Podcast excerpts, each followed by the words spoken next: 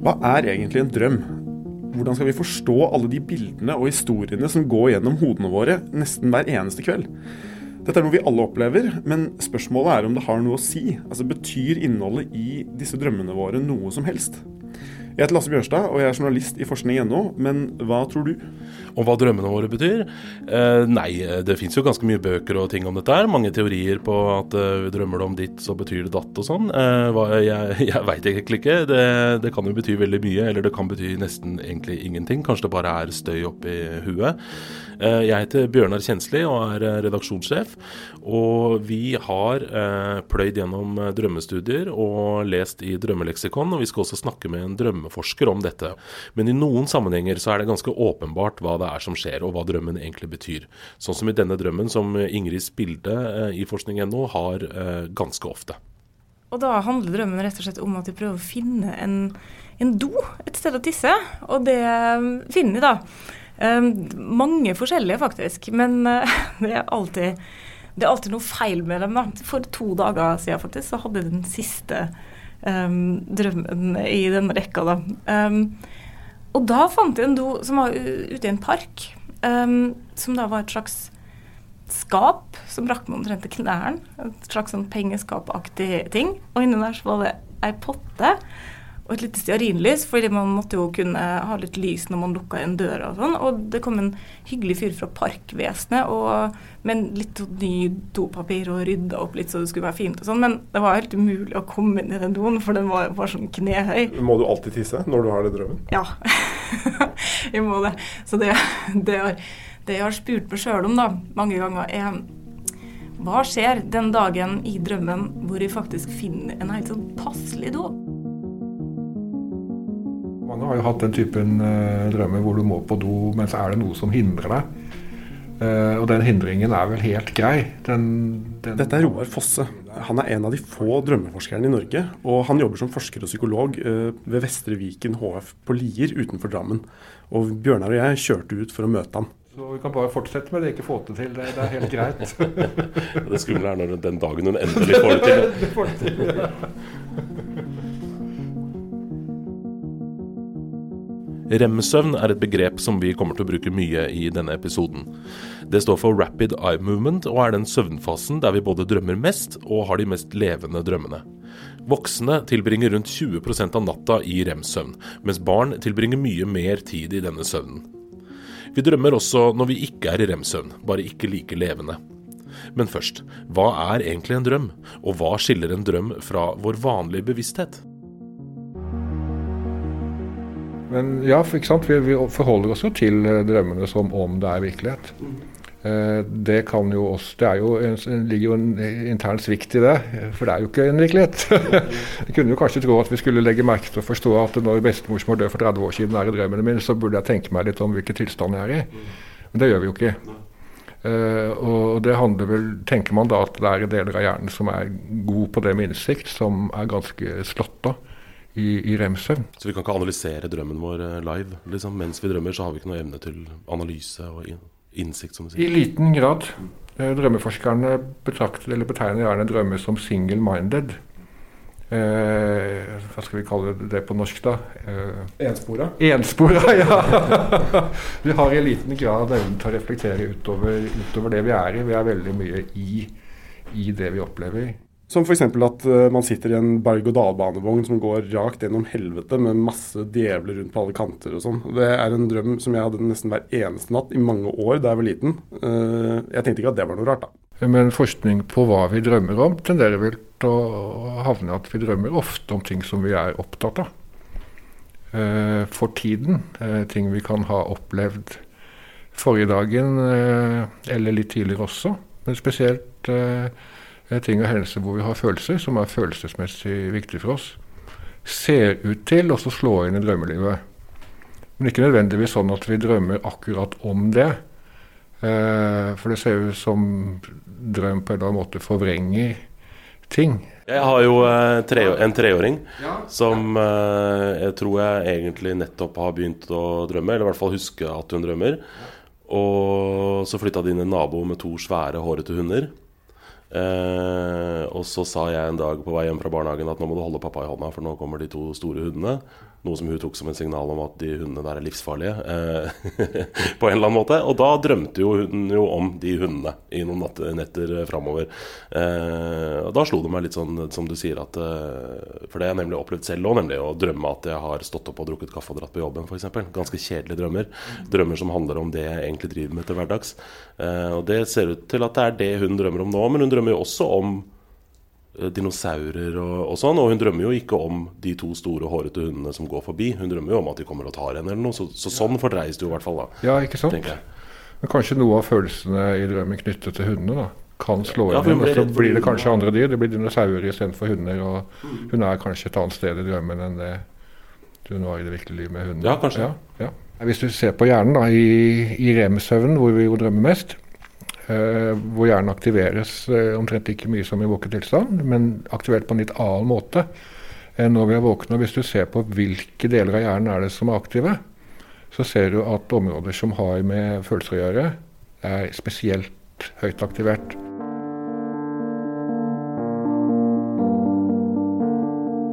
Så det betyr at følelsene våre i drømmene kanskje ligner på følelsene vi har når vi er våkne, og at følelser og drømmer henger tett sammen. Men er drømmer symbolske? Altså at du kan drømme om en gjenstand, og så betyr det liksom noe litt dypere noe? Det er en veldig gammel idé, og det stammer fra, de, fra før de gamle grekerne, faktisk. Jeg sitter her med et sånt uh, drømmeleksikon i hånda. Det er jo bilde av uh, tiger og fisk og, og, andre sånne ganske megetsigende symboler da, i drømmeverden, ifølge dette drømmeleksikonet i hvert fall. Så da må jeg spørre deg, Lasse. Kanskje, kanskje egentlig alle svarene på det vi lurer på, er i det leksikonet? Det tror jeg. Eh, at veldig mange av svarene er i det leksikonet, faktisk. Det jeg lurer på først og fremst, Lasse, har du noen gang drømt om en avokado? Uh, jeg kan ikke huske at jeg noen gang har drømt om en avokado. Nei, interessant. For ifølge dette drømmeleksikonet som jeg sitter med i hånda her, så kan det bety, hvis du hadde drømt om en avokado, da, at du hadde opplevd økt sosial aktivitet. Så da har du kanskje ikke opplevd økt sosial aktivitet, da. Jeg føler jeg har mange ganger i livet mitt opplevd økt sosial aktivitet, men, men, men jeg har aldri kobla det med avokadoer. Nei, nei, interessant. Har du drømt om et kamera? Uh, det kan godt være at jeg har drømt om det. Da kan det nemlig være et symbol på at du har en hemmelighet som du vil holde for deg selv. Ok. mm. Ja, nettopp. Fordi det, den fanger opp hemmeligheten, da, kanskje. Et eller annet, altså. Ja, det er ikke godt å si. Nei, det er i hvert fall eh, det, Ideene om symbolske drømmer, som, i hvert fall i det moderne samfunnet, det stammer jo veldig fra Freud. Spørsmålet er jo om det faktisk er øh, om de faktisk er i stand til å drømme symboler. Freud hadde jo store øh, teorier rundt hvorfor vi drømmer, og han mente jo at drømmene våre skulle tolkes som et skjult ønske. Eh, du ville et eller annet, du ville kanskje ha og spesielt noe forbudt, kanskje ha sex med dama til din beste venn eller noe sånt noe, men hjernen din forkledde ønsket med symboler for å skjule, uh, skjule, det du egentlig ville, og for å beskytte søvnen din. da. At du rett og slett fikk sove, at du ikke ble vekket av, av kjipe opplevelser som du tenkte på i drømmen. Men han søvnforskeren som vi har snakket med, han mente at det er noen problemer med å forstå drømmer på denne måten her. Freud antok jo at det skulle være en slags sensor da, ikke sant, som tok et eller annet eh, Når det da kommer opp et eller annet eh, ønskemateriale fra bunnen av en eller annen drift, så vil den jo være truende. Eh, for at ikke den truende driften og ønsket om å få den oppfylt skal forstyrre søvnen, så er det en sensor som lager en latent eller manifest drøm, da, som er en slags endret akseptabel versjon. Og Da kreves det jo en bra kognitiv akrobatikk for å få til det, men hvordan skal den fungere i hjernen, som da er ja, hvor du egentlig mangler den typen evner, fordi prefrontal cortex er ganske nede. Det er litt vanskelig å se for seg.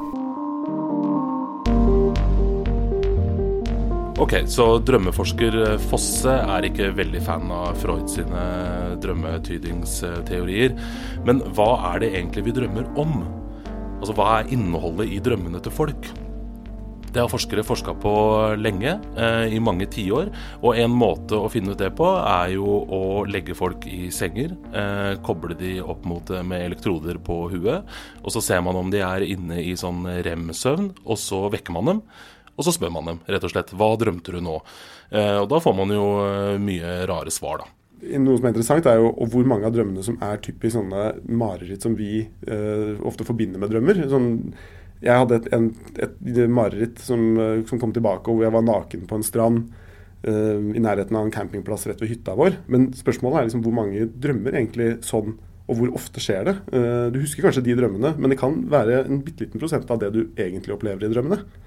Og Fosse har selv gjort eksperimenter hvor han har vekket folk når de kom inn i remsø. De fleste drømmescenarioene, eller en majoritet av dem, var eh, eh, positive. Altså, De var i hvert fall ikke fulle av angst og frykt.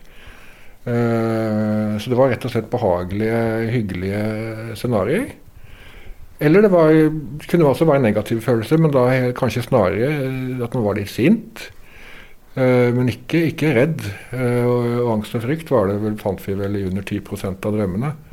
Og hvis den typen følelser var der, så var, var angsten og frykten svakere i intensitet enn det andre typer følelser var. Så det, vi fant vel snarere at det ser ut som drømmer tvert imot veldig sjelden er preget av, eh, av angst og frykt. Så du kan, kan, tenke deg at det er sånn at det drømmer, også lykkelige drømmer eller drømmer som det ikke er noe spesielt med, som er helt, helt ordinære de sover vi bare pent gjennom. Eh, de vekker oss ikke opp på noe som helst vis. og Det er ikke noe ved dem som vi merker oss når vi våkner. Så vi husker det ikke.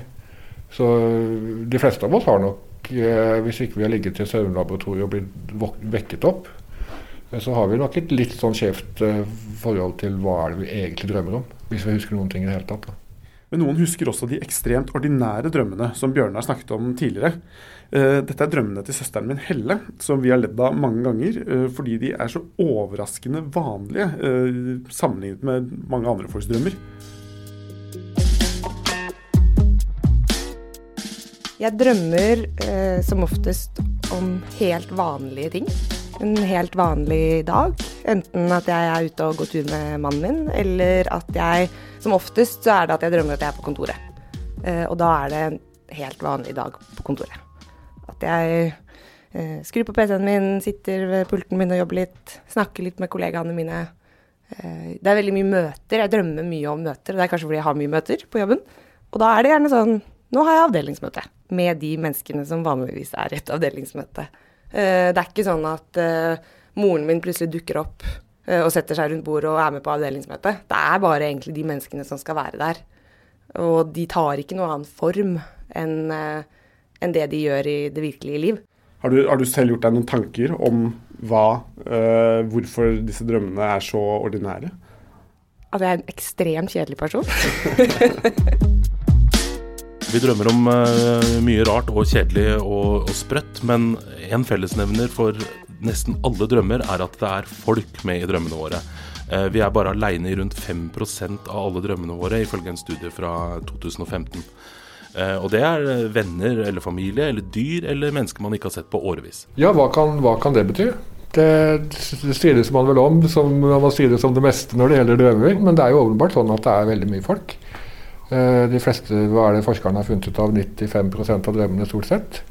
hvis ikke vi drømmer om noe helt spesielt, at vi sitter og ser på TV eller et eller annet sånt, så er det en salig blanding av kjente og ukjente mennesker. De ramler, ramler inn. Hvorfor er det sånn? Det, eh, den finske forskeren Revensov antar jo at, at, drømmer har en slags funksjon knyttet til å simulere den sosiale virkeligheten. Eh, at det gjør oss i stand til å trene litt på sosiale scenarioer. Eh, kanskje vi oppfører oss litt bedre når vi kommer ut etter en natt med god hjemsøvn, fordi vi har trent litt på å forholde oss til folk. Uh, vi vet ikke, en annen, en annen, hypotese kan jo være at hvis det er sånn at følelser er viktig for oss i drømmer, så har vi jo følelser til andre mennesker. Veldig mye av følelseslivet vårt handler vel om andre mennesker. Så ut fra et følelsesperspektiv så ville det jo ikke vært så rart, kanskje. Eh, for unge så er det jo i stor grad eh, dyreskikkelser i drømmen, sånn som du nevnte. Unger har vel fort en del følelser knyttet til dyr.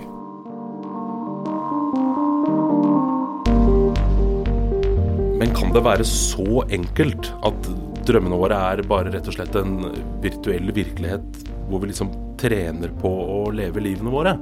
Eh, det er ganske mange teorier om hvorfor vi drømmer. Eh, vi skal ikke snakke om alle sammen her, men mange av teoriene de handler om dette, nettopp det at drømmene våre er en slags sånn tørrtrening for det virkelige liv. Da. At vi drømmer på, om eh, personer og sosiale settinger og steder som, som, vi har opplevd i vårt virkelige liv, som kanskje vi, vi trenger å trene på eh, på en eller annen måte. Og en teori går jo også ut på at eh, marerittene våre også har en sånn funksjon. da, At vi, vi, drømmer om at det kommer et vilt dyr eller noen kommer løpende etter oss eller noe. og Da blir vi kanskje bedre til å da takle hvis skumle monstre skulle komme løpe, og løpe etter oss i, i det virkelige liv. da. Vi har i hvert fall på en eller annen måte opplevd det før, og kan kanskje takle en sånn situasjon bedre. da. Det er en teori.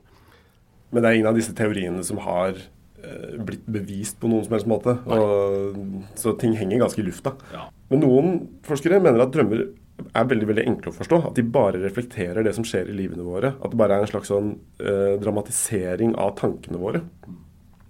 Og En berømt studie uh, av en av disse forskerne som mener dette, viser hvordan drømmene til en amerikansk dame utviklet seg over 20 år. Hun hadde holdt en veldig uh, presis drømmedagbok over disse 20 årene. Hun ble kalt Barb Sanders, og drømmene hennes handlet veldig ofte om de personene og følelsene uh, hun hadde på det tidspunktet i livet hennes. Hvis hun, hvis hun liksom hadde problemer med eksmannen, så drømte hun om eksmannen i den perioden. Ikke så rart. Uh, nei, det, det, virker jo ganske naturlig. Og moren hennes var, var, den personen som dukket oftest opp i drømmen hennes. Han ser da på, på drømmene som et slags sånt indre teater, som bare er en slags visualisering av det vi går rundt og tenker på og føler. Ja. Problemet med det er jo hvis det skjer noe veldig bisart i drømmen. Hvis liksom denne, en fyr som står i bak kassa i butikken, plutselig blir til noe annet. Han blir til et monster, eller han blir til en han blir til kassaapparatet. Ja, sånne ting skjer jo. Ja, sånne ting skjer. Eh, det, skjer jo ikke, det reflekterer jo ikke noe som skjer i hverdagen din. Nei, Så hva er det da? Liksom? Ja, hva er det da? Uansett hva drømmer eh, er eller betyr eller har en funksjon eller om ikke, så er jo drømmer en slags simulering av virkeligheten. Du er jo på virkelige steder. Du er liksom i hus, du er i skogen, du er steder mm. uh, i drømmen. Så da er, betyr det at hjernen lager en slags simulering, ikke sant? Og det er jo sikkert komplisert. Det, det er jo en komplisert prosess å lage en simulering. Sånn at det er, helt, eh, det er ikke helt merkelig å tenke seg at noe kunne gå galt en gang iblant.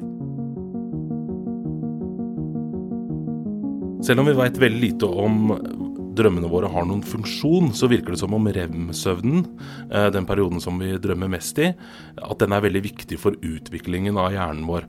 Fosteret som ligger eh, inne i livmora, eh, har masse rem-søvn, men vi aner jo selvfølgelig ikke hva de drømmer om, hvis de drømmer om noe i det hele tatt.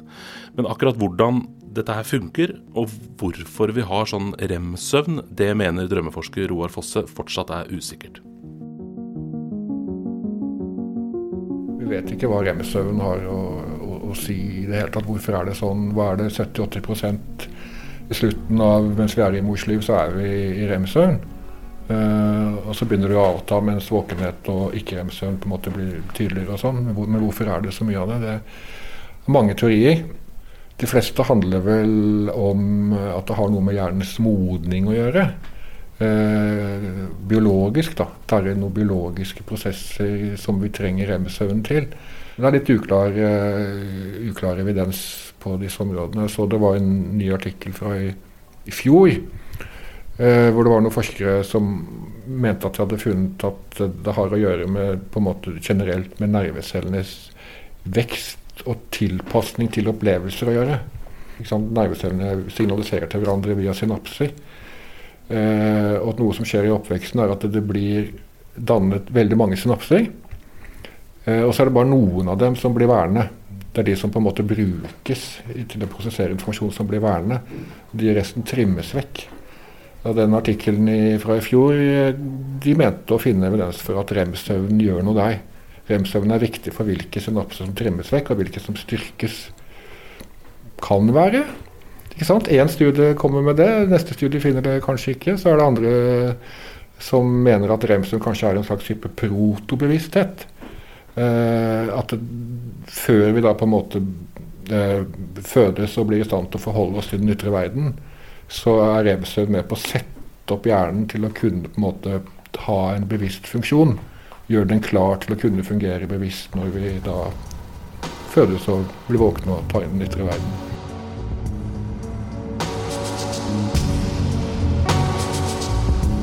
Mange forskjellige studier har undersøkt koblingen mellom rem-søvn og hukommelse. Eh, og flere forskere er jo overbevist om at rem-søvn og søvn generelt er kritisk for å organisere og lagre minner.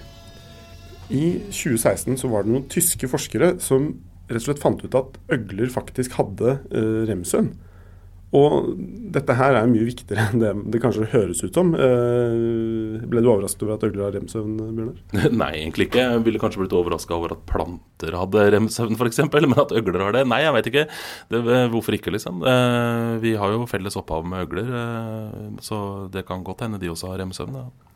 Men det er litt sånn, Forskerne har ikke helt skjønt om uh, hvor gammelt remsøvn egentlig er. Uh, mange dyr har det. Uh, det er fortsatt usikkert om de drømmer eller hva de egentlig gjør, men de har remsøvn. Men når øgler har det, så betyr det at det har vært, sannsynligvis vært med oss i utviklingen i flere hundre millioner år. og da er jo spørsmålet hvorfor er denne remsøvnen så, så viktig? Den, den, har jo holdt seg i Den har jo blitt arvet videre, så det er et eller annet med den som er viktig. Ja, Hadde den ikke vært viktig, så hadde vi jo ikke hatt den. Nei, det er enkelt og greit. Og da er jo spørsmålet om drømmene ikke betyr noe i seg selv. At, bare, at de er, bare er der pga. den viktige rem-søvnen. Det, det kan, være at det er rem-søvnens biologi som, har, som er funksjonelt, kanskje. Og at, det, er, det, bare er sånn at når eh, hjernen aktiveres kraftig under, under, under søvn, så vil du ha opplevelser. Uten at opplevelsene i seg selv kanskje er årsaken til at sant, du har tilstanden. Mm. Litt sånn som at det klør når et sår gror, på en måte? Det klør klør når et sår gror. Altså en, en, tenk på dette her med reptilene, da, disse øglene som man tydeligvis nå har funnet ut av at for 300, år, 300 millioner år siden så gikk Når øglene sov, så ser det ut som de, de switchet hvert 80. sekund i en syklus med rem-søvn, ikke rem-søvn. Uh, En modell kan jo, en hypotese kan jo være at rem-søvn aktiverer hjernen, tross alt. Uh, så hvis det er noe, ikke sant, Når du er i ikke-rem-søvn, såkalt uh, slow wave sleep, så er hjernen veldig deaktivert. Er det veldig offline. Kanskje er det litt skummelt. I et, uh, ikke sant, en gammel fusjonistisk greie så kan det være litt skummelt å være så spotta. at du da jevnlig kjøres opp i en aktivert rem-tilstand. Slik at hvis det skjer noe rundt deg, så kan du på en måte snappe ut av det og være relativt parat og beskytte deg eller stikke av. Kanskje, kanskje, det har noe med det å gjøre. ikke sant? Det er så elementært. Ja, så Ifølge forskeren så kan det jo altså hende at eh, drømmer ikke er noe viktig i det hele tatt. At eh, det er rem-søvnen som er viktig, og at drømmene rett og slett bare er en slags bivirkning da, av, av, det å være i rem-søvn, som da gjør at eh, når du ligger og sover, og så eh, kommer det en løve, så kan du faktisk høre løven kommer, da, selv om du eh, ligger og sover. Så kanskje du klarer å komme deg vekk og ikke bli spist. Det er jo veldig eh, fri spekulering fra, fra hans side. Altså, det, det, kan jo Men det kan jo alltid være sånn. Det er litt trist hvis det er sånn. Ja, drømmene ikke betyr noe, mener du? Ja, det bare Innholdet er helt meningsløst. Ja, men uh, vi gir det jo i hvert fall en eller annen slags mening da, uh, etterpå. Selv om det kanskje ikke var noe mening i drømmen i utgangspunktet. Ja, det er helt sant. Og vi får jo skikkelig, vi får jo skikkelig opplevelser av det. Ja, gjør det. Og så hvis rem-søvn er viktig, og vi har den, så er jo det bra. Et argument eh, som brukes mot at drømmer er viktige, er at uh, folk som går på noen typer antidepressiva lenge, uh, faktisk nesten ikke har rem-søvn. Mm. Uh, det er noe flere forskere jeg har snakket med har sagt, da, at, at det, er jo, det, er jo, veldig mystisk hvis da drømmeinnholdet som du får fra f.eks. rem-søvn, skulle vært veldig viktig. Da burde det jo gått, da burde det skjedd et eller annet med de stakkarene som da ikke har rem-søvn over lang tid. Ja, eller at liksom, rem-søvn i seg sjøl er veldig viktig å ha eh, for hjernen. Eh, at den gjør et eller annet med hjernen som er viktig, da, og så plutselig har du ikke rem-søvn fordi du går på antidepressiva. Hva skjer med hjernen da? Men vi har også spurt Roar Fosse om hva han egentlig tror om drømmer har en funksjon eller ikke.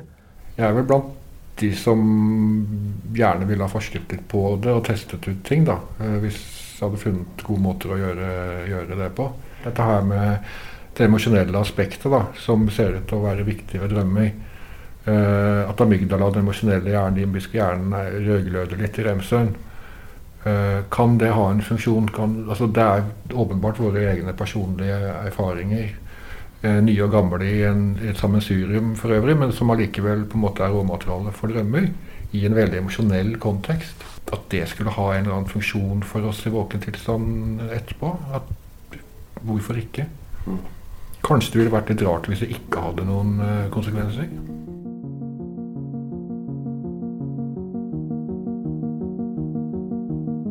Så hva er det egentlig vi har funnet ut i løpet av eh, denne podkasten her? Eh, drømmer kan ha en funksjon, eller de kan ikke ha en funksjon. Ja, det er helt eh, riktig. Enten så er det kjempeviktig, eller så betyr det ikke noen verdens ting i det hele tatt. eller et eller annet sted midt imellom. Det er veldig typisk Det er veldig sånn, Vi er veldig inne i vitenskapen her, da. Det er, eh, det er jo ofte sånn det er. Ja, det kommer en studie som sier noe, og så kommer det en studie som sier det motsatte. Og så sånn fortsetter det helt til man veit noe, men ofte ikke det man egentlig lurte på. Mm, og helt til man når det såkalt magiske konsensus. Ja, så det er ikke noe konsensus ennå. Det betyr at forskerne er absolutt ikke enige ennå om hva drømmer betyr, eller om de betyr noe i det hele tatt, egentlig. Og samme med rem-søvn, da. Men hvis du vil ha eh, flere podkaster, så kan du godt sende oss en melding på, på, Facebook og stille et spørsmål der. Et spørsmål som du kanskje ikke får svar på, selv om du spør vennene dine eller eh, googler eller eh, noe du ikke klarer å finne ut av på egen hånd.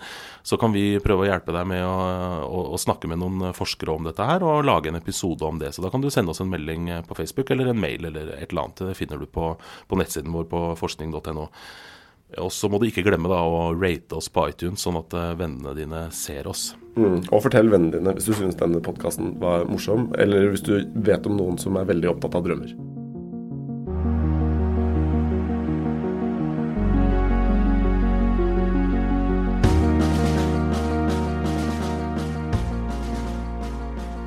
Dette er en podkast fra forskning.no, eh, laget av Bjørnar Kjensli og Lasse Bjørnstad. Artistene Spinning Ratio, Soft and Furious og Yshwa har laget musikken du hørte i denne episoden, og alt er hentet fra Free Music Archive.